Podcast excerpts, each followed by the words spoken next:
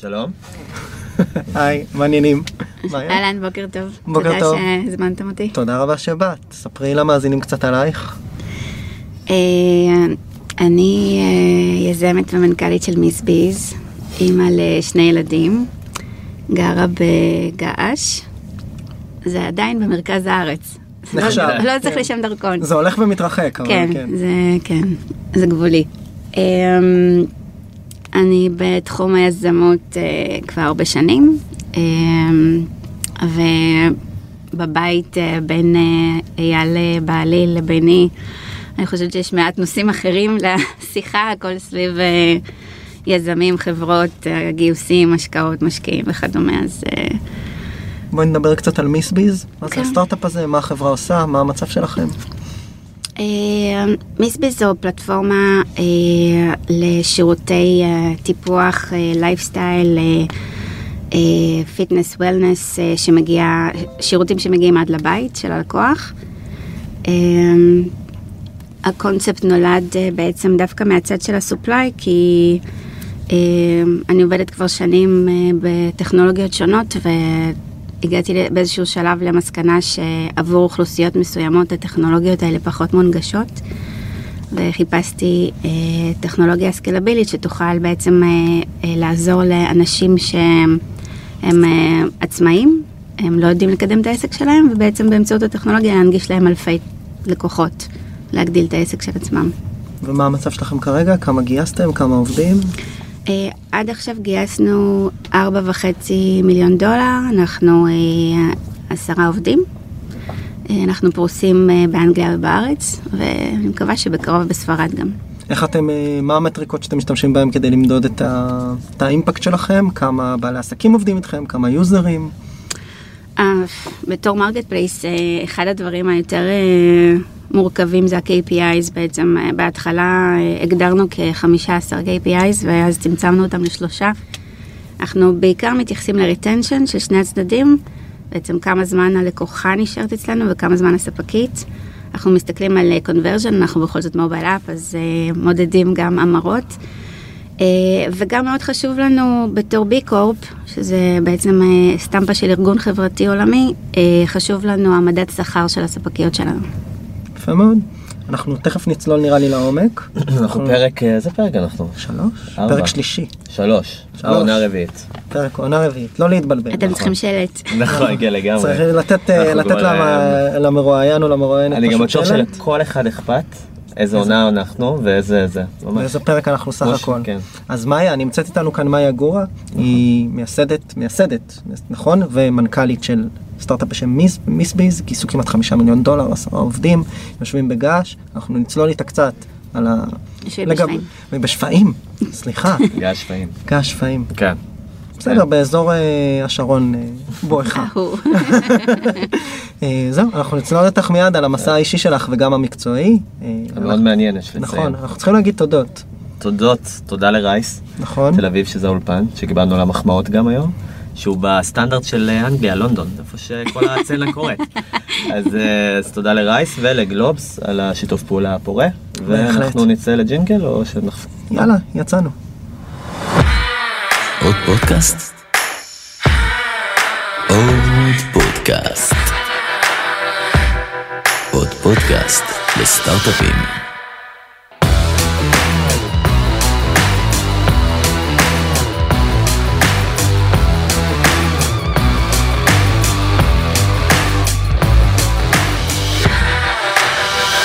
חזרנו. חזרנו מהג'ינגל. אה, מאיה, מה שלומך? מצוין. יופי. אז, אה, אנשים, אנשים לא יודעים להכיל את ה awkward moment הזה שאתה כן, כאילו לגמרי. יוצא לג'ינגל. לגמרי. אה, אז בוא, בוא נחזור אחורה, ממש למסע האישי שלך ולנקודת התחלה, או איך שאת רואה את זה. אה, לא חביב נולדתי בבית חולים איכילוב, אלא מה הדבר הראשון באמת שראוי לציין במסע האישי שלך, או הכניסה שלך לעולם היזמות? אה, אני חושבת שהכניסה האמיתית, אתה יודע, זה אמנם לא פמיניסטי לומר את זה, אבל ההיכרות עם בעלי, כנראה הכניסה שלי לעולם היזמות. הבן אדם נולד יזם, אמנם הכרתי אותו כשהוא היה בצבא, בדיוק השתחרר, אבל הוא כבר אז יזם. בוא ניתן איזה שפיל רגע לאייל גורה, כי באמת... אה, כן. אז אה, אייל גורה, יזם סדרתי, בין השאר גם אני מכיר אותו מהבינתחומי שהוא הקים את מועדון היזמות הבינתחומי. נכון. אה, פתח כמה חברות שאולי גם תצייני, אבל עכשיו הוא נשיא חברת זברה. הוא כרגע, המנכ"ל. כרגע המנכ"ל, כן. המנכ"ל, נכון, היה פוסט מעבר למנכ"ל, אז זה המנכ"ל של חברת זברה. כן. אה, אוקיי, ומה בעצם, איך זה אתה רוצה הכניס לשאול איך אותך הם הכירו? אני לא. מקווה שיחזור להיות נשיא בקרוב. כן, בגלל ה... זה לא. זה שני מנכ"לים זה- בבית, זה זה שמח. לדעתי נאמר לאוזנו אגב. כן, כן. זה היה כזה לחישה. לאוזנו ואוזני הבורד. אז רגע, אז אוקיי, אז הכרתם, מתי זה קרה? אמרת אה, אנחנו מלא שנים? ביחד, אה, אוקיי. כן, אנחנו מגיל, אנחנו מגיל 23 ביחד. ובוא נקפוץ שנייה לליבת העניין, כי נראה לי פה הסיפור זה לא היחסים ביניכם מן הסתם, איך באמת, לא באמת, איך ההיכרות איתו משכה אותך לתוך העולם הזה? אה, אז, כאילו, אני כבר הייתי אחרי האוניברסיטה וכבר עבדתי, הוא רק השתחרר מהצבא, הוא היה בצוללות חמש שנים, אז אה, מבחינתי הוא היה ילד, הוא, הוא לא ידע הרבה. אה, וכבר היה בתוך עולם היזמות, ולי זה היה נראה כמו, אה, כאילו, לא היה ברור לי מה הוא עושה, הוא, זה כאילו, זה לא מוגדר מספיק. אה, וכ- וככה לאט לאט אני עבדתי באיזושהי חברה, הוא היה סטודנט לאט, במרכז הבינתחומי ובאותו זמן אה, עבדתי בחברה שנקראת אה, Image Bank. אה, זה בעצם נציגות של Getty Images העולמית בארץ ועבדנו עם תוכן, אולי, אה, תוכן תמונות אה, מהממות. אה, אה, ואייל בתור סטודנט במרכז הבינתחומי ממש לא אהב את השיטה שבה אנחנו עובדים. אה, בתור, אתה יודע, חוזרים הביתה, חולקים, מספרים. אה, מבחינה טכ- טכנולוגית? כן? כן. כלומר, היה לו איזה... כן, אנחנו עבדנו ידנית, לא טכנולוגית, זה לא היה חברת טכנולוגיה. אה, עשינו בין היתר אכיפה של זכויות יוצרים ידנית של התמונות האלה, זה היה תחילת עידן האינטרנט והתוכן הדיגיטלי, וכולם עשו save אז וגנבו תמונות וידאוים באופן חופשי.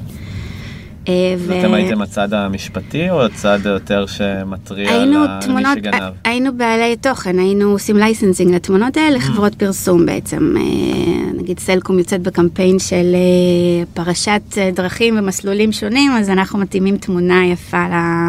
אה, ה Shutterstock של עולם הפרסום. בדיוק, זה ה high-end של ה Shutterstock בהתחלה, זה לפני ש Shutterstock וג'ון אה, בנו את Shutterstock. ג'ון הוא חבר. אה, בכל מקרה, אה, אייל החליט שאנחנו צריכים לעשות את זה באופן ממוחשב, והוא התחיל לעבוד על מערכת image recognition, שתעשה את זה עם שותף ב- לספסל הלימודים, אופיר גוטלזון, שבבוא היום הם היו המייסדים של PicScout. אה, והיות ואני כנראה הבן אדם היחיד שהם הכירו מהתחום, אז לאט לאט הצטרפתי אליהם ועבדנו בעצם ביחד, אני הייתי אחראית על כל ה-revenue של החברה, אז כל הלקוחות בחו"ל בעיקר. אה, ועם הזמן, כעבור כמה שנים, Getty Images רכשה בעצם אה, העולמית את כל הפעילות של PicScout, אה, אחרי שהקמנו את כל האכיפה העולמית, ובעצם אה, הצגנו את אה, עולם הטכנולוגיה בקונגרס בארצות הברית, כשהם חוקקו את החוק של דיגיטל רייטס. זה היה הכניסה שלי לעולם הזה. והצעד הבא אחרי, אה, אחרי שלוש שנים אינטנסיביות של עבודה ביחד, בעיקר אה, על מטוסים לא על אותו קו, אה, נפגשים בשדה תעופה כזה לחגוג ימי הולדת וכדומה, אה, התחתנו והגענו למסקנה שזה לא הולך במסלול אה, אה, זוגי בריא. מה, להיות אה, יזמים ולעבוד ביחד? לחגוג יום נישואים בלאונג' זה פחות... אה, זה אפילו עוד לא היה לאונג', עוד לא היינו, היינו סטארט-אפ כזה, היינו, לא היינו טסים בטיסות מי יודע מה, וזה היה הרבה פחות מלאונג' אז. אנחנו, הסיוט שלנו מהשנים ההם זה שהיינו מתעוררים ב Holiday Inn Express ולא היינו יודעים באיזה עיר אנחנו. כי הם תמיד נראים אותו דבר. אה, הגענו למסקנה שכל אחד אה, יפנה לדרכו ברמה עסקית. אה, עזבנו את PicScout, השארנו אותה בידיים הבטוחות של אופיר, שעשה עבודה מדהימה, ואני הקמתי את ה Gift Project. בעצם גרנו אז בקליפורניה, עשינו רילוקיישן עם PicScout. ואני התחלתי לעבוד על הפרויקט הזה. ספרי קצת- ספרי קצת על ה Gift Project.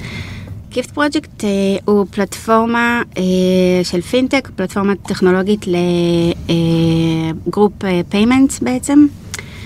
הרעיון היה בהתחלה שכל האיסוף כספים אה, הידני של, אה, אתה יודע, בקבוצות הורים, או ב, אם יש לך משפחה בחו"ל, אתה מנסה לאסוף כסף לקנות מתנה, ואז כל אחד צריך להעביר לך איכשהו, זה היה מורכב ומסובך, ורצינו לעשות פלטפורמה שבה אה, האיסוף כספים הקבוצתי נעשה יותר קל.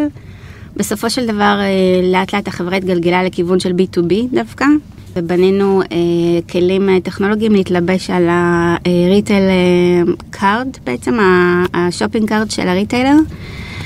אה, ואז להביא את כל ה social graph שלך, נגיד אה, בפייסבוק, עם אינטגרציה, אתה מביא בעצם את החברים שלך מפייסבוק לתוך ה shopping cart של אמזון, ואז אתם יכולים לקנות מתנה קבוצתית ביחד בלי friction בכלל, זה seamless לחלוטין.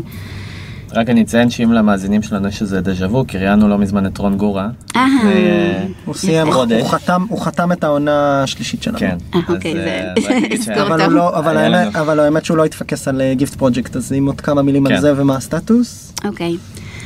אז אה, עבדנו עם אה, כמה חברות אה, retail גדולות, כאילו היינו בתערוכה גדולה, שיטה מאוד מוצלחת, והחתמנו כמה לקוחות גדולים, ולאט לאט התחלנו לעבוד גם עם eBay, ובסופו של דבר, כמו בחברה קודמת, הלקוח הכי גדול, eBay, גם היה הרוכש. היה הרוכש, כן. ומה מה- מה- במה התמקד ב Gift Project בסוף? זה היה באיזה תחום יותר? אה, אני, ה title שלי היה Chief Gifter. אה, אני חושבת שזה product marketing בעצם, אני חושבת שאני בעיקר אה, בתחום ה product אה, ולקוחות, כאילו ה front end של ה product. כן, לעבוד מול, מול כל האקאונטים, אה, ללהג... לעבוד מול הלקוחות ולעשות אדפטציה למוצר כן, בסוף? כן. מהמם. ואז אנחנו מגיעים ל Missbeez או יש עוד אה, תחנה בדרך? אה, יש תחנה בדרך. אה, אחרי ש eBay קנתה את החברה, היום למחרת שיניתי מסלול באופן חד. אמרתי לעצמי, אגב, זו פעם שנייה שאמרתי לעצמי, אה, לא עושה סטארט-אפים יותר. היה לי דז'ה וו, ואמרתי, באמת, הפעם אין סיכוי, כאילו, באמת, אין, לא הולך לקרות. אני חותמת כן. מול אלוהים, אין, לא, לא יהיה. זה כמו אני לא אוכל פיצה יותר. כאילו, כן. זה זה מרווח בין זה. לבין, אה, לבין אמת. אני מרגיש שצוחקים עליי פה טוב. בסדר. אני במצגת, אני תמיד אומרת אחרי זה never say never. אה, אפרופו פיצה, אה, בכל מקרה החלטתי לעשות אה, שינוי מסלול והלכתי ללמוד קרימינולוגיה קלינית, וואו, שזה היה כאילו ממש? לא קשור בבר אילן. אוקיי. וואחד שינוי מסלול. אתם לא יודעים כמה, כי פה ממש מאחורי יש הוסטל קצת סודי, כאילו הלוקיישן שלו לא ידוע, אין שם שלט. אה, לא אמרתי בדיוק איפה. קורדינטות. זה אה, ממש מפרסמת. כאן, מאחורי הבניין, זה ממש פה. בבלוק הזה. יש הוסטל של אה, סלעית של נשים שנגמלות מזנות, ובעצם יום למחרת מסטארט-אפ ברוטשילד, עם כל החבר'ה של 8200 וגלורי ועיתונים וצילומים למה לא, ואיפה שאני מתייצבת שם, אני אומרת איך אני יכולה לעזור. וואו. הסתכלו עליי כזה בתור ילדה מפונקת, וקראו עליי בעיתון, זה היה ממש מביך. אה, אמרו לי, לא מתאים, זה לא בשבילך פה. אמרתי, אני מתעקשת וזה, שלחו אותי לתחנה מרכזית להתמודד עם דירת חירום שם, משהו אלים ביותר, אני לא אעלה את המאזינים שלכם. בכל מקרה, זה היה השינוי מסלול שעשיתי, למדתי קרימינולוגיה קלינית, נהייתי קרימינולוגית קלינית, שזה מה שאני היום, גם מה משך אותך דווקא לתחום הזה? תמיד רציתי לעבוד בכלא, זה היה חלום חיי. וואלה. כן. איך- איך מדוע? מגבשים חלום כזה? זה לא, זה זה לא, זה-. מגיל ממש, אה, ממש, ממש ילדות, כאילו, יש לי את החלום הזה. אה, החלום בא מאיזשהו מקום מאוד מאוד נאיבי, מאוד מאוד נאיבי, כאילו, בשיא של זה. פשוט אה, תמיד הייתי כזה ילדה טובה, ולא הבנתי אף פעם איך אנשים נהיים רעים. כאילו זה פשוט, לא, לא הצלחתי להבין את זה. יום אחד אתה כזה ילד שכולם משחקים איתו, ויום למחרת אתה פושע, גנב, אנס, שודד, לא יודעת. זה לא, לא, לא התחבר לי, כאילו, ורציתי נורא ללמוד איפה ההידרדרות קורית. מתי, כאילו, מה הופך את זה? כן. לא, אני. בכלל, אני בכלל חושב שאתה יודע, בכלא כבר זה אחרי ההידרדרות. נכון? אבל אתה, מקסים, זה באמת, אז הרעיון היה להתמקד יותר באימפקט וללכת יותר לכיוונים חברתיים אחרי גיפט פרויקט? כן, הייתי צריכה איזה time off בתכלס. כאילו זה היה אחלה בריחה, הייתי שנתיים בכלא. אה, הבת שלי הייתה אומרת, אמא מאחרת, לקחת אותי כי אני בכלא. כן. וזהו, ולאט לאט, תוך כדי התקופה הזאת, הבנתי שזה לא ממש ממצה את מה שאני יודעת לעשות. האימפקט הוא קטן מאוד, אם. בכלל. כמה זמן עשית את זה? הי- הייתי שנתיים בכלא ועוד שנה ב- בסלית. ששם מה בעצם היה, איך היה נראה יום-יום? כאילו יותר עזרה התנדבותית או... לא, לא, זה... עבדתי בתור קרימינולוגית קלינית במסגרת הפרקטיקום. אה, אתה מטפל ב... זה כמו פסיכולוג בעצם. אתה יושב מול העבריינים ו... לשעבר. וואו. וכן, אה, התחום של קרימינולוגים קליניים בארץ המונע בעיקר על אה, פגיעות מיניות, זה אנסים, פדופילים כאלה, וגם רוצחים. אז כאילו, טיפוסים... אה, תקופה מסוימת זה היה מאוד מעניין, אחר כך בכל זאת הרגשתי שהאדרנלין בעולם הסטארט-אפים הוא יותר גבוה. אז איך מזה קופצים ל-on demand אה, שירותי פרילנסרים ל... באופן מאוד טבעי, כאילו בקבוצות הנחיה שישבתי בכלא ובסלעית, שאלתי אותם מה אתם רוצים לעשות עם החיים שלכם אחרי, וכולם רצו להיות עצמאים. וזה מה שהניע אותי בעצם לפתוח את מיס ביז, כי זו פלטפורמה לאנשים עצמאים. הרבה אנשים מהסוג הזה שעבדתי איתו, לא רק לא יודעים מה זה טכנולוגיה, לא יודעים, מה, הרבה מהם אנאלפביתים. אה, אנחנו תמיד חושבים אה, על שי-קודס וכל מיני גופים שמעודדים אנשים להיכנס ל... ללמוד הנדסה, ללמוד מחשבים, אבל והאוכלוסיות האלה הם כאילו שנות אור מאיתנו, זה לא... כן, זה יותר מקצועות חופשיים. אה, זה נגר, זה מאוד דברים בסיסיים, אז בעצם חיפשתי פלטפורמה טכנולוגית שתאפשר אה, אה, למקצועות הכי פשוטים דווקא access לטכנולוגיה. איזה מקצועות היה- יש לך היום בפלטפורמה? אז היום יש לנו כל מיני מניקוריסטיות, קוסמטיקאיות, ספרים, מעשים, אה, מדריכי כושר, אה, המון מקצועות אה, חופשיים. יש לנו בערך 150 סוגי שירותים שאנחנו מציעים, באיזה מדינות? באנגליה ובארץ. אה, באנגליה יש יותר שירותים ואנחנו חולשים על אזור מאוד רחב. אה, זהו, השותף שלי הוא אה, בעצם ה big shot בכל הסיפור הזה, כי כשחיפשתי להקים את הפלטפורמה היה לי רק קצת vague concept של מה אני רוצה לעשות, אבל אחרי שנתקלתי בו, הוא בעצם היה VP mobility בקליק סופטוור, והוא היה אחד התותחים הכי גדולים בארץ, הוא עדיין. אה, בתחום של mobile platforms, עוד הרבה לפני שת- שהשתמשו ב mobile platforms, הוא בעצם בנה את ה mobile platforms הראשונות עבור אה, חברות telecommunications הגלובליות שניידו אלפי טכנאים בשטח. ובעצם כשהכירו לי אותו, כשחיפשתי שותף, אה, זה היה כאילו, אתה יודע, קשה לתאר את ה moment הזה, אבל זה כמו שכנראה אתם נפגשתם והיה לכם את החיבור הזה, זה, זה מאוד נדיר בחיים שאתה מוצא אה, את החיבור המדויק הזה. אה, איך ו- נפגשתם? חבר משותף הפגיש אותנו, פשוט בהיכרות. כן, פשוט, זה לא היה פשוט, רדפתי אחרי החבר הזה שהוא גם יזם אה, וגם אה, מ-8200 וישבתי לו על הווריד אה, להכיר לך אנשים טובים. להכיר לאנשים טובים, כן. אה, אז אנחנו בעצם קצת עושים פה בפריימינג, אה, בעצם עברנו, שזה בערך הטרנזישן שרצינו לעשות, קצת סיפרנו את המסע האישי שלך, ועכשיו אנחנו קצת צוללים למיס ביז, אה, ופה בוא ננסה לשלב גם בין הסיפור של הסטארט-אפ, ותתייחסי למה שאת מוצאת לנכון, וגם הסיפור האישי שלך כיזמת שמקימה ומובילה כמנכ"לית את הפעילות הזו, איך נראתה תחילת הדרך בעצם, זאת אומרת, מוצ... איך מוצאים את השותף או השותפה, איך מביאים את הכסף, איך בונים את המוצר, איך זה נראה בהתחלה מהזווית שלך. כן.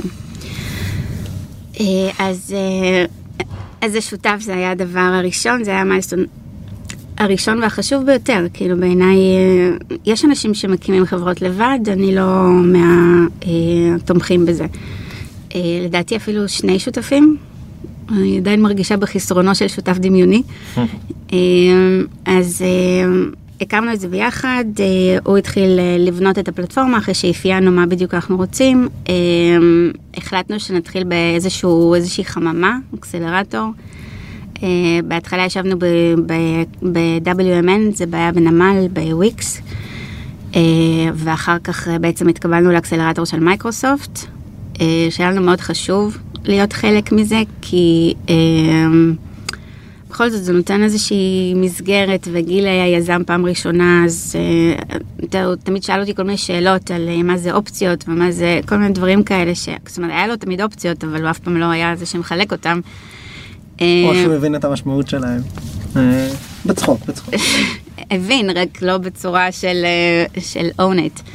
ובמובן הזה אקסלרטור כמו מייקרוסופט נתן. לכם שפה משותפת. ו... מדהים, כן. אה, באמת כאילו זה היה בדיוק מה שהיינו צריכים. אה, גם מקום ראשון להתאקלם, גם ה mentoring בתחום הנכונים, גם כל ההיכרויות שצריך. אה, אפילו, אתה יודע, דברים בסיסיים של לעשות פיצ'ים נכון, לבנות את הדברים נכון, למרות שגיל הוא אשף מצגות שאין דברים כאלה. הוא כבר אה, עשה, כאילו, היה מופיע על במות בכל העולם, אה, אז הוא כאילו פחות היה צריך את זה, אבל... אה, מה הרקע של גיל?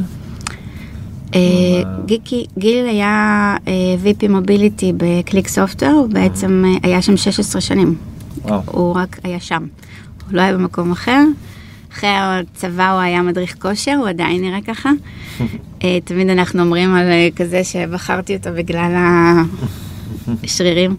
פה לא רואים את ה... אמ, אבל בעצם איך, איך, איך היית, אה, כלומר איך בסוף את הגעת עם רעיון עם vision, נכון? כן, ובעצם הרבה אנשים, אני יודע שהרבה מאזינים מתקשים בלהביא את השותף הראשון. בטח ובטח שהוא כשהוא לא- טכנולוג. כן, לגמרי. אז אנחנו, גיא ואני עושים אירועים שלמים על, ה, על הדבר הזה, אבל בסוף זה מאוד קשה. כלומר, אה, נכון. דיברת על זה גם, זה... זה גם זה- בחברה הראשונה, בגיפט פרויקט היה לי קשה מאוד למצוא שותף טכנולוג. אז מה, יש איזה, יש איזה צעדים שאפשר לעשות, למקסם את האפשרות למצוא את השותף? זה כמה זמן לוקח התהליך בדרך כלל? ובאמת, אה, איך, איך מצרפים מישהו שבסוף יש המון פערי דמיון, כלומר, סביב הצורך, סביב הפתרון, סביב הזה שאני צריך לעזוב איזו עבודה בטוחה ולהיות עכשיו באיזה כן. סטארט-אפ מוד, אז איך בעצם מחברים את ה... מצמצמים את הפערי הדמיון האלה בעצם? Uh, האמת שכן, בגיסט פרויקט לקח לי חצי שנה למצוא את השותף הטכנולוגי. ארז הוא uh, חבר של מתן, שהוא חבר של רון, uh, שהוא היה בעצם ה-CTO בחברה. אבל כאילו היה לי לפני זה שני ניסיונות עם שניים אחרים שלא צלחו. השותף הוא, הוא, הוא נורא מסובך, אני תמיד אה, אומרת בצחוק, אבל אני די מתכוונת לזה, זה קצת כמו בעל, כי אה, הוא לא רק צריך להיות טכנולוג דגול ואינובייטור, בעצם הוא חייב להבין טכנולוגיות קדימה, הוא צריך להיות איזשהו אה, אה, ויז'נר של טכנולוגיה, הוא גם צריך לגדל צוות, אה, לגייס, הוא, הוא צריך להיות עם network שהוא יכול להביא צוות איכותי, וגם יכולת גיוס וניהול של צוות. והדבר השלישי שלא פחות חשוב, הוא צריך להיות שותף, הוא צריך להיות א', בן אדם, ב', אה, אה, מבין vision עסקי, אה, מכיר, מתעמק, שותף להחלטות אה, פיננסיות. אה, אז, אז זה מסובך למצוא מישהו כזה, זה נדיר שנפגשים אה, אה, בן אדם כזה שמכיל את הכל. אה, לכן אה, גם בפעם הראשונה וגם בשנייה אה, השתמשתי כאילו בנטוורק בעצם אבל אינטנסיבית, זאת אומרת, אתה עובד בזה. אתה חודשים הולך לכל אה, מפגש רלוונטי, מדבר עם כולם, אני באמת... אה, פשוט out there, אין איזה נוסחת קסם. לא, אבל אני. קדחתי, כאילו, קדחתי ברמות שאנשים כבר לא רצו לדבר איתי. אבל אה, הכי פרגמטי רגע, איך, כן. איך בסוף הקריטריון כרגע שהעלית לאוויר, בעצם באמת שזה לא רק, לא רק בן אדם שטוב בטכנולוגיה, זה גם בן אדם שטוב בניהול, או יש לו איזה יכולת להתפתח ולנהל צוות בסוף, אה, בן אדם שקל להסתדר איתו, בן אדם ש, שאפשר ללכת איתו למסע ארוך. איך בעצם שאת בסוף אה, כביכול במרכאות מראיינת או נפגשת עם, אה, עם שותפים פוטנציאליים, מה מה את בעצם עושה בשביל לבחון את ה... את ה האם, האם באמת הם מתאימים? כלומר, זה כמה פגישות, זה, יש? יש אנשים שבאמת אה, קוראים לזה מבחן הבירה, כלומר, איך, איך בסוף נראה התהליך אה, מהזווית כן. שלך? אז אה, כמובן אז בשלב הזה אין משרד, אז יושבים בבתי קפה בפועל. דרך הנטוורק הייתי מגיעה לאנשים שנראים על פני השטח רלוונטיים. הייתי נפגשת איתם, כל שותף פוטנציאלי שראיינתי זה מינימום שעתיים ראיון. ממש רעיון כזה? זה שיחה, כזה. זה שיחה, אבל זה שעתיים, זה מאוד אינטנסיבי, כי אתה כן. מנסה, א', ללמוד עליו אישית קצת, מי הוא, מה הוא, כאילו, ב', אתה בודק את כל הניסיון העבר שלו, אם הוא ניהל צוות, אה, מה היו התפקידים בדיוק שלו בצוות, איך הוא התקדם בצוות, למה הוא עזב, מה הוא עזב, זה, אתה, אתה מנסה בעצם להבין איך הבן אדם מתנהל מול אנשים. אה, וגם לדבר איתו קצת על טכנולוגיות, מה הוא קורא, מה הוא מתעניין. כשהכרתי את גיל, הוא היה לו, עדיין יש לו, אה, בלוג מפורסם שנקרא מובייל ספון, הוא כותב על טכנולוגיות של מובייל, הוא, אה, הוא כאילו היה, אתה יודע, זה היה כאילו love from first sight, הנכון כאילו, הנכון. כן, רק כשהוא ישב מולי, הוא בא מאיזשהו כלוב זהב של מרוויח אינסוף כסף, מנהל אינסוף אנשים. בארגון מאוד גדול שהוא ציבורי. אה, ואני רוצה להקים אפליקציה בתחום, ה, אה, אתה יודע, שירותי ביוטי לנשים בשביל לעזור ל-self-employed professionals, אתה יודע, כל הסיפור הזה הוא לא מתחבר טוב. אז מה אומרים לבן אדם כזה בשביל לנסות אה, להביא אותו קדימה, ואיך שסטיב ג'ובס אז אמר תפסיק למכור סודה מתוקה ותבוא לשנות את העולם. משהו ל- כזה, כן. סמנכ"ל פפסי, אבל כאילו בסוף מה אומרים לבן אדם כזה לעזוב הכל ולהצטרף ל... או שהוא פשוט יתחבר לרעיון. אה, לא, אני אתקשה להאמין אם הוא יגיד שהוא יתחבר לרעיון. מה שהוא רצה בעצם ב-16 שנות אה, חייו המקצועיים, הוא בעצם רצה לבנות B2C. הוא תמיד בנה B2B והחלום שלו דווקא באופן מפתיע רצה to shift ל-B2C כי הוא רצה לראות איך אנשים משתמשים במוצר שלו ואיך הוא משנה חיים עם, אה, של אנשים באופן מיידי. עכשיו, החלום הזה הוגשם לו בעצם בערך חודש אחרי שהשקנו. ישבנו באיזה בית קפה, ראינו מישהי מזמינה מיזביז, אמרתי לו צ'ק, נגמר הסיפור. אה, עכשיו, אה, אני בתוך כדי שיחה איתו, ברגע שאני מבינה מי הבן אדם ולאן זה הולך, וכאילו אני מבינה שזה בול, אני מרגישה שאוקיי, איך אני... יש פה פערים ממש ממש גדולים, בן אדם עם אה, ילדים, משפחה, משכנתה, איך הוא הולך לעזוב את הכלוב זהב הזה בשביל להתחיל, הוא אף פעם לא היה יזם, הוא לא בא מהעולמות האלה. אה, אבל שלושה תארים בפסיכולוגיה בכל זאת, בשלב זה. אה, הלכתי על פסיכולוגיה הפוכה, זה היה פשוט האינסטינקט הראשון, אמרתי, אני לא כל כך מבינה מה אתה עושה פה, אני לא מבינה למה, כאילו, מה זה רלוונטי אליך, למה אתה נפגש איתי, בחיים שלי לא הייתי עוזבת עבודה כמו שלך, אה, ובעצם משם התגלגל יפה, טריק יפה. לא לא היה ברירה, הייתי נואשת. אז- אז- אז התחלתם ויצאתם אה, לדרך משותפת אחרי הרבה תלאות. כן. ומה הדבר הבא שעושים אחרי לקח לו חצי? שנה להצטרף לחברה, הוא לא קפץ לזה, הוא נתן milestones, הוא נתן תנאים, הייתי צריכה לרדוף אחריו, עדיין. אה, אבל אה, אבל זה משתלם. milestone זה נגיד גיוס? כן. זה משהו, כן? כן, זה בסוף מה ש... כן. אז איך מגייסים? ועוד מבלי שיש כאילו, בדיוק. אז, אז הטריק. טוב אמרת, כי האתגר שלי בשלב זה, אוקיי, היה לי שותף בערך דמיוני, הוא עדיין עובד בחברה אחרת בפול טיים. אני הפילגש בעצם, אה, הוא עובד בלילות עם הצוות המפתחים החיצוני שלקחתי. אה, בעצם מהשקעה עצמית קטנה בשביל להתחיל לפתח. עכשיו התחלנו מצגת, אה, זה, אבל במצגת לא יכולתי לשים אותו כי הבן אדם עדיין עובד, אז מה שבעצם עשינו זה עיגול ריק עם שם פרטי בלבד. וכתבנו איזה כמה דברים מהקפביליטי שלו, כאילו, אבל זה המקסימום שהיה לי, לא יכולתי לבוא אפילו לקרנות או לאנג'לים אבל ו- כן הסברת אה, בפרמיס שיש CTO on board שייכנס ברגע שיש השקעה. כן, כן, הם לא יכלו לפגוש אותו, לא יכלו לחוש אותו, לא יכלו לדעת מי הוא אפילו. ועל, בעצם. ועל בסיס זה גייסתם כמה כסף בהתחלה?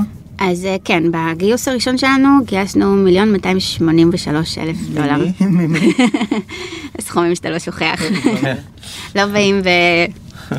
השער, כמה שער הדולר היה? דווקא שער היה טוב אז.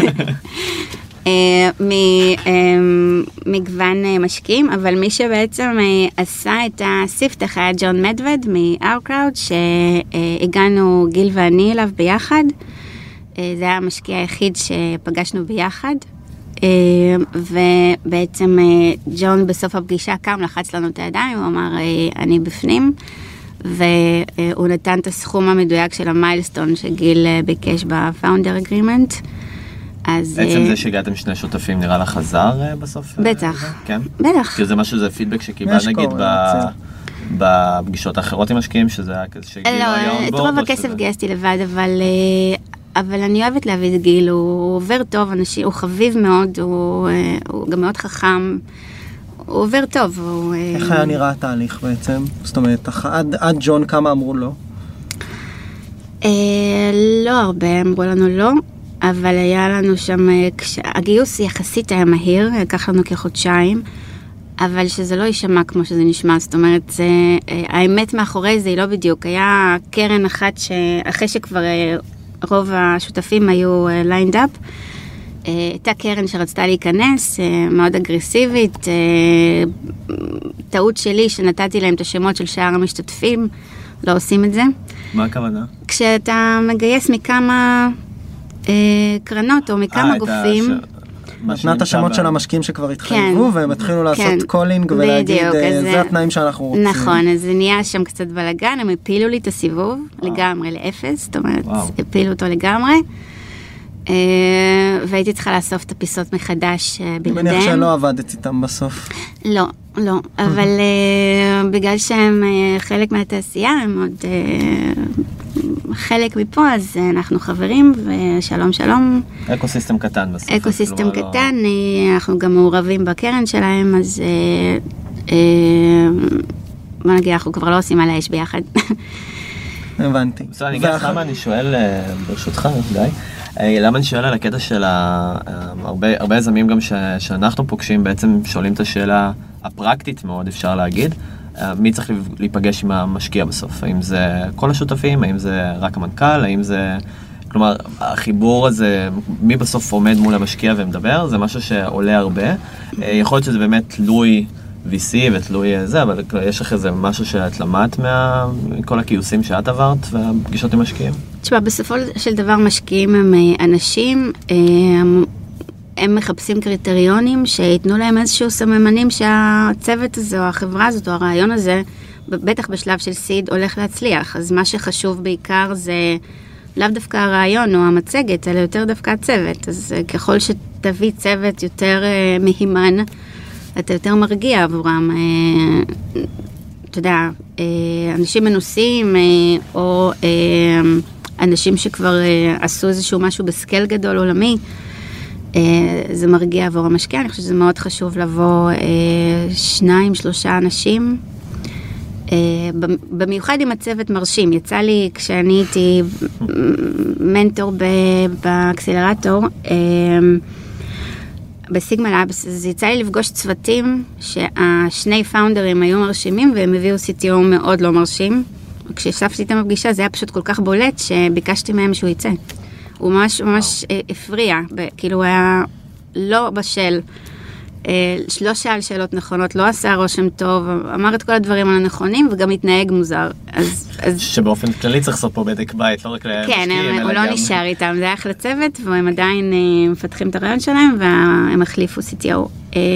אז, אז כאילו, וזה משהו ש-you can sense, זה עניין של אינטראקציה בין אישית הרבה פעמים, זה אפילו לא צריך אה, לפתוח קוד או לראות את המוצר בשביל להבין אה, אם הדינמיקה עובדת או לא. אמ, זה, זה לא רק אינטראקציה, אני פחות סומכת על אינטואיציה, יותר ה... וגם לא הכימיה וכל הדברים, אני פחות, אה, יותר מה הוא עשה בפועל, כאילו, איפה הקבלות שלו, מה, מה הוא הרים, מה הוא עשה, אה, באיזה scale זה עבד. יצא לפגוש הרבה אנשים שמאוד מרשימים וכל מה שהם עשו נכשל.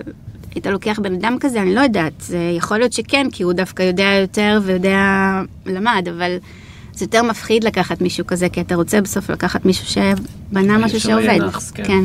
כן. ואחרי הגיוס מה קורה? אחרי הגיוס, אה, האמת היא בגיוס עצמו, כשאתה מקבל את ה, כבר את הטעם שאת הסופי עם כל החתימות ואתה כבר זה אצלך, ואתה חותם על זה, זה הרגע שבו אתה מבין שאין חזור יותר. אתה עכשיו מתחייב לאין סוף שנים והחיים שלך הולכים להשתנות לנצח. אני תמיד אומרת ליזמים ברגע הזה, רגע לעצור לנשום. אה, לי מאוד חשוב אה, גם לכנס את הסביבה המיידית שלי. אה, מטפלת, אה, בעלי, משפחה, שכנים, חברות, לא משנה מה, סביבה ולעשות תיאום ציפיות. כאילו, אני מאוד טוטאלית וגם אייל, שנינו עובדים ברמה אה, מאוד מאוד אינטנסיבית. אני עובדת לפחות 12 שעות ביום, בלי כאילו לסטות מזה, אני לא מסוגלת, אני גם בלילה חושבת אה, תוך כדי, אז... אז הסביבה צריכה לדעת שהולכת להיעלם להם. כאילו, ואני צריכה את כל התמיכה האפשרית, אה, ואל תטרידו אותי, ואני לא אבוא איתכם לחו"ל, ואני לא, כאילו, זה, זה צריך להיות איזשהו תיאום ציפיות, כולם עוזרים, כולם בזה, כולם מבינים, וזה משנה התיאום ציפיות הזה? בטח. באיזה, באיזה מובן? זה רובד שהוא קצת רך כאילו ולא מדברים עליו הרבה, אבל, חשוב. אה, אבל הוא סופר חשוב כי בסופו של דבר אנשים נכנסים, נשאבים לאיזשהו מרוץ, ואז כן. מה? איך, איך מתקשרים את זה לסביבה? המשפחה לא יודעת לעכל את זה, כאילו האנשים בסביבה שלך, קודם כל, אה, דבר ראשון, נגיד, יש אנשים שהם לא מפרגנים, בהגדרה, אז תמיד בכל סביבה, יש כמה אנשים שיגידו, מה, בשביל מה, למה, כמה. אח שלי עד עכשיו תמיד אומר לי, אני לא מבין למה את לא בהוואי. לא, לא מבין את זה. הוא, ב- הוא אמריקאי, הוא גר בסן דייגו, והוא כל החיים שלהם שם חולמים על אה, פנסיה בגיל 40. אז הוא אומר, אז כאילו הגעת לזה ואני לא מבין את זה. בקיצור, אה, הוא כן מפרגן מאוד, רק פשוט לא מבין את לא הבחירות האלה. ה mindset כן, בעצם, כן. נכון. אה, אז אה, זה, זה חשוב לי לפחות להתנתק גם בתקופות האלה מאנשים שלא מפרגנים. זאת אומרת, אם אני מרגישה איזשהו vibe שלילי של מה, לא, לא הייתי נוגעת בזה, לא הייתי זה, לא, אז אני לא יכולה עכשיו להתמודד עם זה. כאילו, אין לי, האנרגיות שלי עכשיו מאוד- מאוד מפוקסות, אני בתוך סרט של יזם, ב zoom mode. יש לזה מחיר אישי? בטח.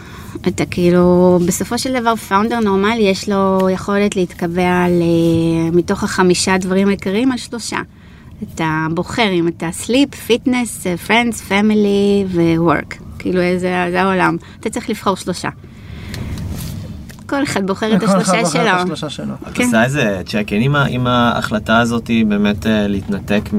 בוא נגיד ממעגל מסוים, א', וב' לעשות אה, אה, שיחות כאלה של cut, של catching עם המשפחה, עם הקרובים, באמת, ל... אני קורא לזה להכניס אותם למסע. כלומר, הקטע הזה של, אוקיי, אני יזם או אני עושה עכשיו סטארט-אפ, לא, לא באמת אנשים מבינים מה, במה זה כרוך, מה הוויתורים, מה ה trade-off. ובאמת כשאתה מכניס אותם למסע, זה סוג של כזה גורם להם, אבל האם זה דורש בצורה ש...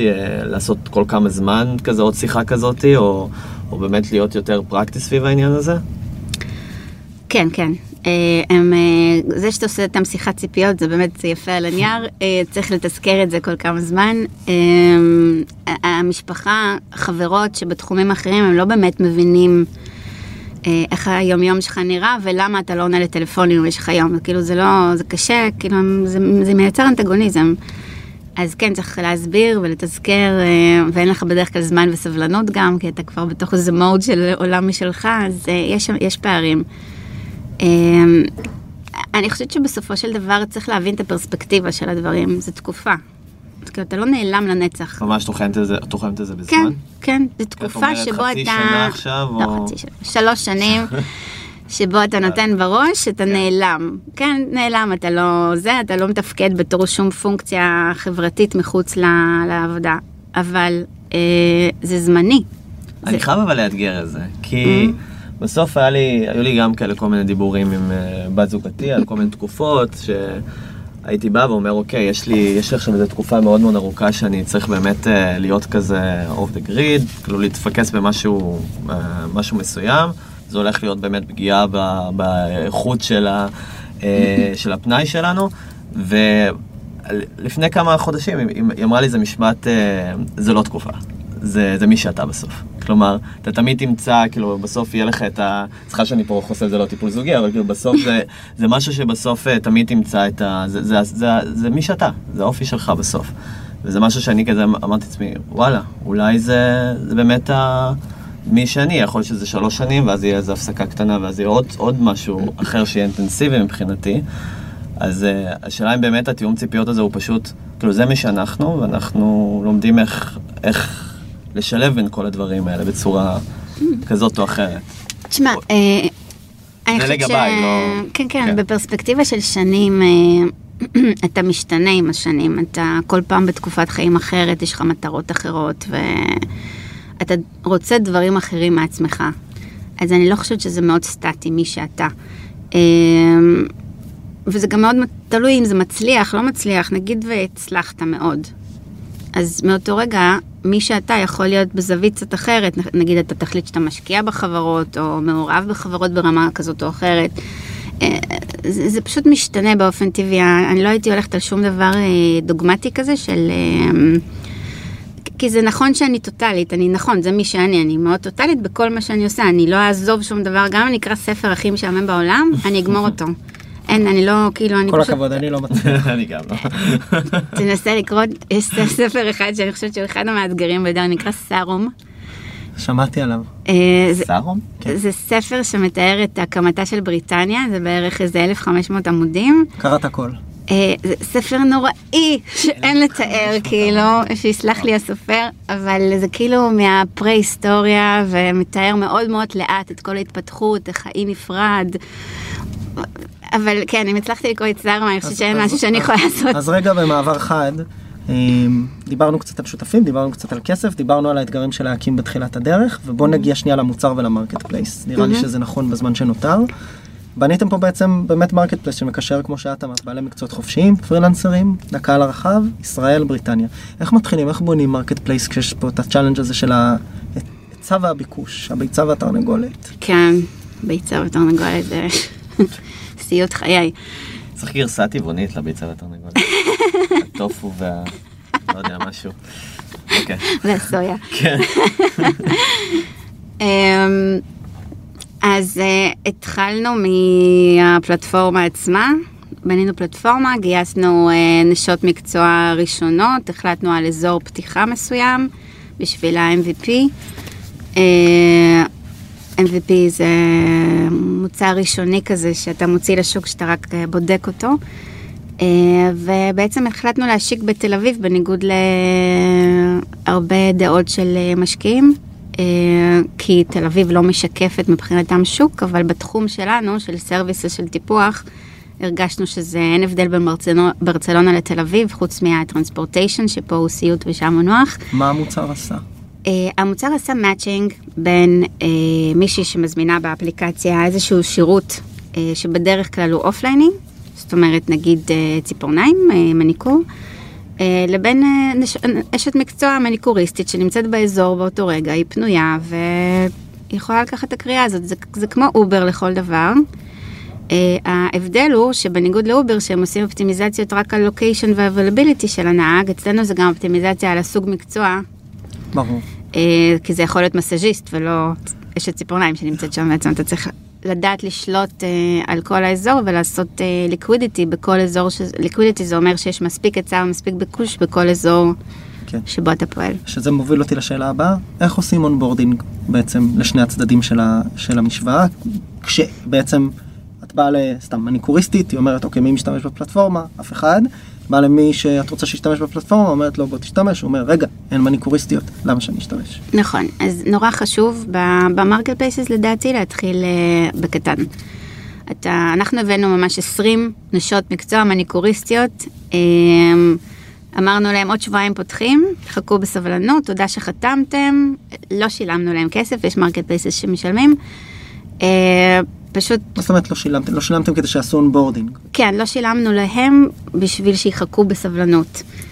אה, בדיעבד דווקא כן הייתי משלמת. הייתי עושה hard supply, כאילו שהם י... לא... שיקבלו משכורת, לא לעשות כלום, זה יותר טוב. מה- למה? מה הסיכונים? כי הם יכולות ללכת למקומות אחרים, ואז תצטרך לגייס עוד, ואתה סתם מייצר לעצמך friction, זה לא הרבה כסף לשלם לקצת supply, עדיף לקחת את הריזיקה הזאת לדעתי. בכל מקרה לא שילמנו, הם חיכו לנו, אה, ואז אה, לקחנו 100 חברות, רשימה של כזה beta testerיות, אה, הפצנו כזה לינק להרשמה, לנסות שירות חדש, אפליקציה, שם נתנו איזשהו קופון בסיסי מאוד של איזה 20 שקל, הנחה. לא, גם לא עשינו חינם, אמרו לנו מה, תנו חינם לנסות את השירות, לא נתנו. אה, זה אגב אה, תיאוריה, זאת אומרת, אה, יש חברות שלא מאמינות ב monetization מהרגע הראשון, אני לא יודעת, לה, אני כאילו אשת כסף, אני, אם- אין בזה כסף או אם אני לא מבינה איך אני עושה כסף, אני לא נוגעת בזה, אני פשוט צריכה מאוד תכליתית כאילו עם הכסף.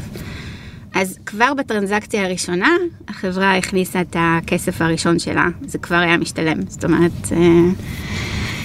אה, אה, זהו, פתחנו, אה, סגרנו לכל הלקוחות, זאת אומרת הפלטפורמה הייתה ב... עם כזה note של אה, אתה צריך להיכנס רק עם invite, כי זה היה beta test בעצם, לא ידענו אם בכלל זה יעבוד. אה, אתה יודע, זה שזה עובד ב-development זה לאו דווקא עובד ב production, פתאום יצוצו כל מיני באגים משוגעים. בקיצור, אה, זהו, כאילו זה התחיל לעבוד, זה היה כמה מאצ'ים ראשונים, ואז התחלנו להרחיב ולהרחיב, ותוך איזה חודש פתחנו את ה-invite only הזה, אה, וזה התחיל לרוץ. וכמה, איך נעשתה הטרנזקציה שם בסוף? אה, כמו במונית, דרך כאילו ה- בעצם דרך האפליקציה, את מזינה כרטיס אשראי, אה, רק באמצעות כרטיסי אשראי. אה, הספקית בסוף הטיפול, אם הוא היה מוצלח, אז היא מחייבת, כמו נהג מונית בסוף הנסיעה. אה, וזהו, אנחנו מקבלים את כל אבל שזה- הכסף. שהכסף אה, יעבור מתחת לשולחן, או שזה משהו שפחות חששתם בהתחלה? בהתחלה חששנו מזה, אה, במיוחד וכולם אמרו לנו שבתחום הזה של אה, ציפורניים למיניהם, אה, הרבה שחור. אז בהתחלה בכלל כולם אמרו זה לא יצליח כי הן עובדות רק בשחור. אני חייבת להגיד שלא היה לנו שום issue עם זה. כן, אמרו את זה גם על Gett Taxi, כן, וזה לא בדיוק. בדיוק אה, כלום, לא היה בדיוק לנו אפילו עובד. friction אחד עם זה, זאת אומרת, אף פעם לא היה שום issue עם מזומן, שחור. יש נשות מקצוע שאמרו לנו בהתחלה שהן פתאום צריכות לשלם מיסים. אז אמרתי, טוב, גם אני צריכה פתאום לשלם מיסים, מה זאת אומרת, כאילו, זה החוק, צריך לשלם מיסים. כן, את מקבלת שכר פתאום פי שלוש יותר גבוה ממה שקיבלת, צריכה לשלם מיסים. בוא נדבר שנייה על ה... אני מצטט אותך, אמרת, השקנו אה, 100 בטה טסטריות, ואז הרחבנו והרחבנו, פתחנו לקהל הרחב. הרחבנו והרחבנו, אז אה, יש לו משמעויות. בוא שנייה נזקק מה זה אומר. איך את, כמישהי שמנהלת את ה marketplace הזה בצורה עדינה, שבה שאת צריכה שיהיה לך מספיק בעלי מקצוע בכל רגע נתון ומספיק משתמשים, איך את פותרת את הדיסוננס הזה, ואיך את משתמשת בכלים כדי להגדיל את ההיצע והביקוש אה, באופן שהוא סינ- סינכרוני? אם. בכלל. אמ, אני אגיד לך מה, ב marketplaces אידיאלית אתה כן יודע להגיע לאיזון, אבל העולם הוא לא אידיאלי, ותמיד אנחנו סובלים מצד אחד או יותר, זאת אומרת זה אף פעם לא 100% מאוזן, זה תמיד קצת נוטה לאיזשהו צד. אה, והסוד אה, שלנו זה, אנחנו קוראים לזה balancers, אנחנו בעצם, יש לנו מין אה, תוכנה כזאת של balancers ל supply, balancers ל demand, זה כפתורים שאנחנו לוחצים עליהם ומעלים את ה supply ומעלים את ה demand. עם demand אתה יכול להוציא אימיילים, פושים, אסמסים, להגיד... חדש באפליקציה, לא יודעת, express tanning, רק בימי חמישי. כן. כן, אה, ב supply אתה אומר, אה, מישהו מגיע ל-30 הזמנות ב-15 יום הקרובים, מקבלת ארוחת בוקר. אה, כאילו כאלה, אז יש לנו מיליון כאלה ומיליון כאלה, ואנחנו משחקים איתם כל הזמן. אבל אה, כשיש לך בעיה מהותית באחת הצדדים, אז הבלנסרים לא, עוז, לא עוזרים. ברור. בסופו של דבר אתה צריך לדעת לנהל אופרציה ולהביא מספיק בשני הצדדים. ב demand זה marketing, ב supply זה אה, שותפויות ואפשרויות אה, סקלביליות לגיוס גדול של ספקים. אנחנו צריכים כל הזמן אה, מאות אנשים. אז מאיפה אתם עושים marketing באיזה צ'אנלים, ומאיפה אתם עושים שותפויות היום? אה, אז אה, ב marketing אנחנו משתמשים בהמון תוכן. אה, בעצם ה brand שלנו מדבר על נשים עסוקות, אז אנחנו מקדמים תוכן שקשור ל... איך, שעוזרות לנשות קריירה בעצם בדברים שרלוונטיים לאו דווקא קשור לעולם הטיפוח, כי מהר מאוד הבנו שהנשים שמשתמשות באפליקציה זה לא ביוטיסטיות למיניהן שרוצות להתהפך כל היום, זה נשים בהישרדות יומיומית שיש להן עבודה וילדים ולא מספיקות להגיע לשום מקום. אה, בסופו של דבר אה, אה, זה מיינטננס מסוים. אז התחלנו בעצם לעבוד מולם בכל מיני צ'אנלים, איפה שהן נמצאות, אם זה פייסבוק, אם זה אינסטגרם, אם זה פינטרסט, עשינו גם מלא עבודה עם כל מיני ידועניות והלכנו להרבה קבוצות של נשים ופורומים של נשים, הרצינו, נתנו הרצאות, נתנו מבצעים, נתנו קופונים. Uh, האמת היא, הכי עובד טוב זה הקהל של לקוחות מרוצות. זה כאילו, ה-word of mouth שלנו מאוד חזק, כי זה נשים. כאילו פשוט. פשוט נשים מדברות יותר. Um, ברגע שמשהו טוב ומסתדר להם, הם יספרו את זה להרבה אנשים. Uh, בארץ כל הפעילות שלנו, כמעט since ever, הייתה פיור אורגניק. Uh, אתם אף פעם לא ראיתם uh, פרסומת למיסביז בארץ. Uh, יש מכניזם בתוך האפליקציה, זה כן. גרוף אה, שבעצם אפשר להזמין. בטח, אה, בטח. וזה משהו שבאמת ראית אותו, מייצר אופטי- אופטימיזציה מסוימת? כן, אבל אנחנו מוצאים אה, את הווירליות הרבה יותר, אה, כמו שנאמר, word of mouth, כאילו בעל פה, נגיד ה-invite shares. באופליין, כלומר ממש ב...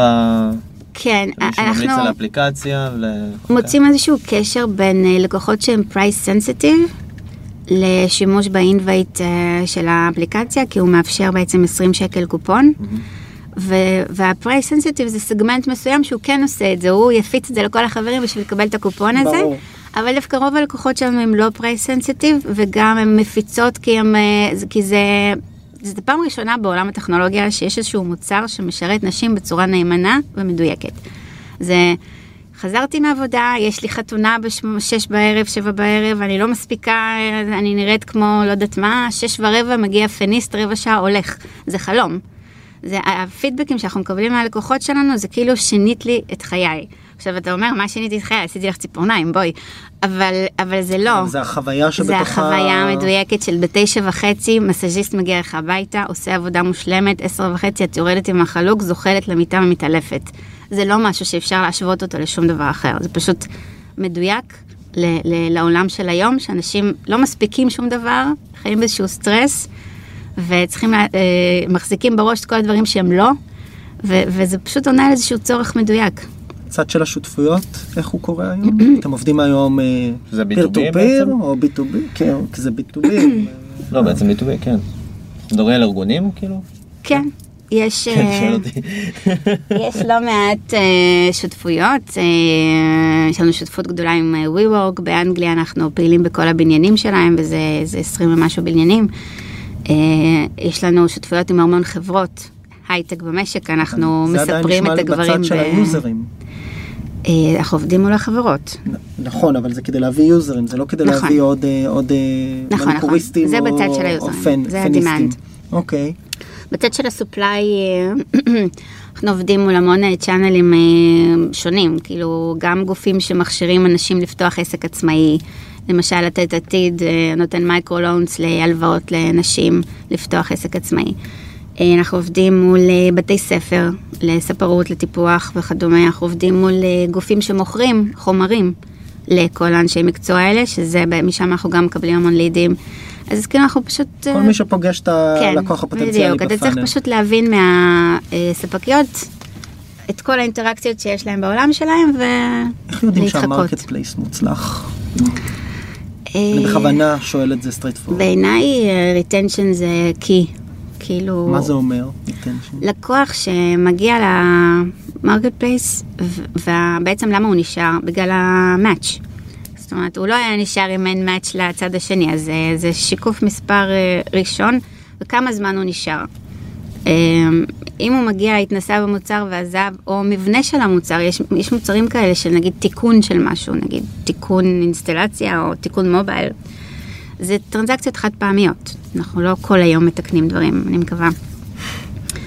Uh, בעולמות שלנו זה maintenance, אז אנשים עושות את השירותים האלה בשוטף כל הזמן, ואם אתה לא מאכזב אותם, כלומר נותן שירות טוב, ויש לך מספיק supply איכותי, אה, הם צריכות להישאר, אין סיבה שהם יעזבו. לכן ה- lifetime value צריך להיות מאוד גבוה וארוך טווח, וככל שה- retention גדל, כך זה משפיע על כל שאר ה- KPIs. וכאלה שעושים marketplace, היית ממליצה להתחיל עם location אחד בהתחלה? בטח. ואז מתי יודעים שזה שזה הזמן הנכון לעבור? ללונדון. לפתוח, אה, בדיוק. אנחנו פתחנו את לונדון אה, מוקדם מדי, וגם אה, זה היה נורא מתיימר דווקא לפתוח את לונדון כי היא ענקית. ואני כל הזמן הרי אומרת, צריך לפתוח בקטן ובטריטוריה קטנה, אה, אז אה, נכון שהתמקדנו בהתחלה על אזורים שבחרנו, צ'לסי, קנסינגטון, בכזה אזור של אה, ספציפי מאוד במרכז מערב לונדון, אבל זה לא היה מספיק טוב, כי ברגע שאתה מתחיל לעשות marketing, אז אה, נגיד בפייסבוק, אינסטגרם, אתה לא יכול לטרגט את האזורים האלה ממש טוב, ואז אתה משלם על כל אלה שמורידים את האפליקציה ולא יכולים להשתמש במוצר, כי אתה לא משרת את. האזור, אין קאבר. אז אה, זה היה ביצה ותרנגולת בשיאה. זאת אומרת, ממש רדפנו אחרי הזנב של עצמנו במשך איזה שנה באנגליה.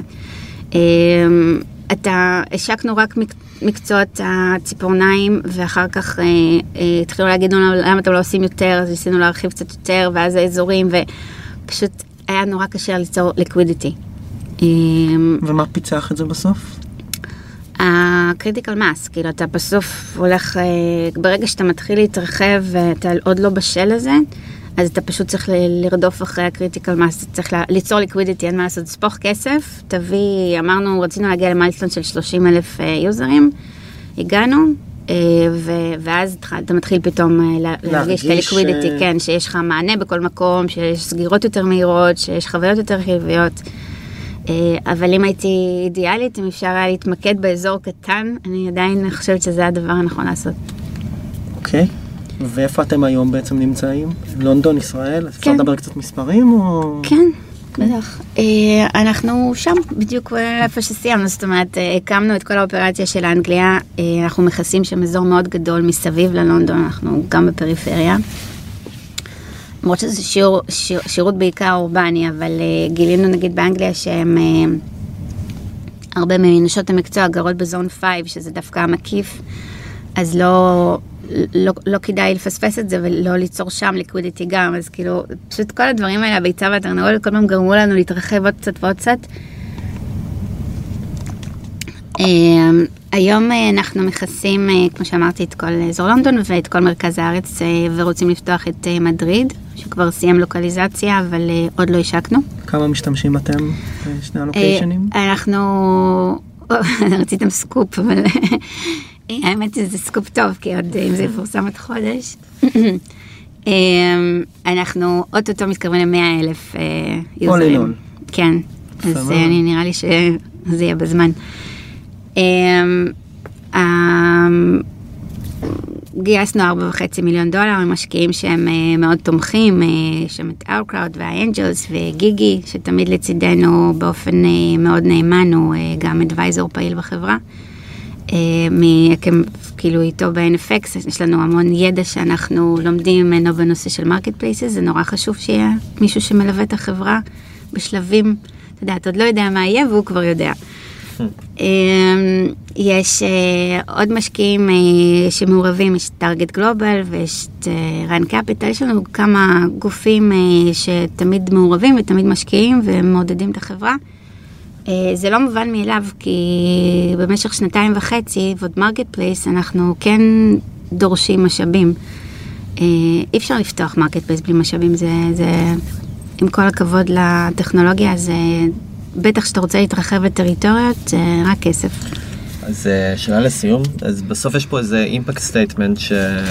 אני לא יודע אם הוא מוסתר או, או גלוי או כמה הוא גלוי אה, בצד של ה supply, כלומר אה, זה משהו שבאמת היה לך ברור מהרגע הראשון וגם אם זה היה ברור זה, זה נראה לך עזר לעסק לגדול, שיש משהו שהוא כזה זה mission driven בצד דווקא של, ה, של, של של ה...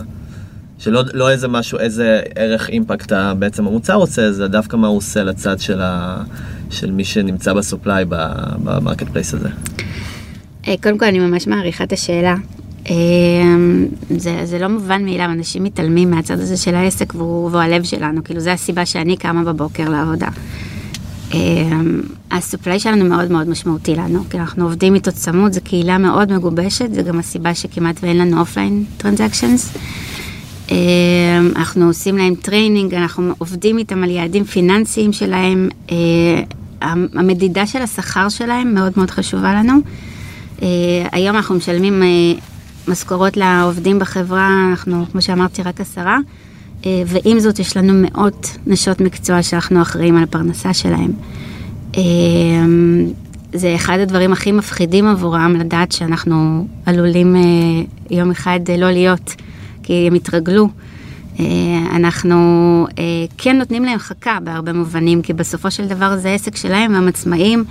אה, אנחנו מלמדים אותם כלים, איך לשרת לקוחות, איך להיות מקצועיים, אנחנו נותנים להם trainings, אבל אנחנו גם נותנים דגים באיזשהו אופן, כי פשוט הם קמים בבוקר, רואים את כל ההזמנות שהם מקבלים, יש להם אין סוף, הם יכולים לבחור, יש להם חופש מוחלט.